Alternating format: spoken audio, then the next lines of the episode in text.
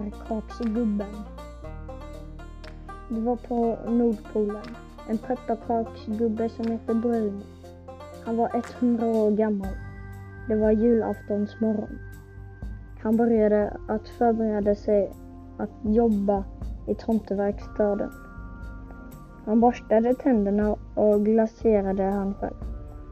Han hade fått äran att ta hand om eh, tomteverksnycklar som är röda med gröna polkastavar.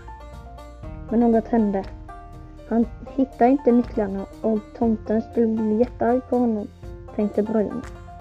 Han letade överallt men hittade inte dem. Bruno gick ut och letade men hittade bara en nisse som hette Kalle. Han var en trevlig nisse och nissen var magisk. Så den tog fram sitt polkaspö och trollade fram nycklarna. Pepparkakan Bruno var jätteglad och bjöd över honom för att äta pepparkakor. De gick in i tomteverkstaden och började äta pepparkakor. Men plötsligt kom tomten in. Han visste att Bruno hade tappat bort nycklarna och för att eh, det fanns en sändare på nycklarna.